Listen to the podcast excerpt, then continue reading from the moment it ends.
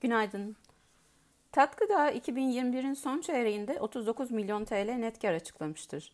Limitli katılımla oluşan piyasa beklentisi 35 milyon TL net kar açıklaması yönündeydi. Şirketin cirosu yıllık %60'lık artışla beklentilerin %6 üzerinde açıklanırken FABÖK 53 milyon TL ile beklentiyi %27 oranında aşmıştır.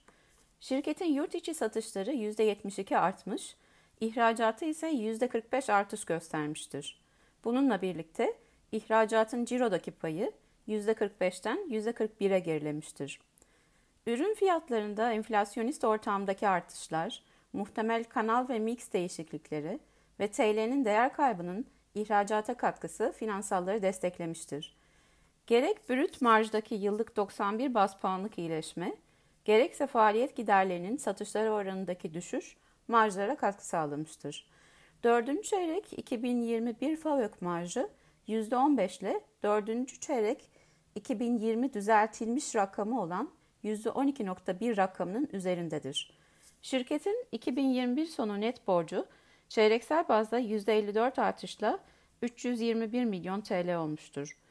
Bunda işletme sermayesi ve kapasite yatırımları etkili olmuştur. Operasyonel olarak beklentileri aşan finansallar hisse performansını destekleyebilir. Sonuçlar hakkındaki telekonferansı bugün saat 5'tedir. Şirket için uzun vadeli endekse paralel getiri tavsiyemizi ve hisse başına 14 TL hedef fiyatımızı koruyoruz. İyi günler dilerim.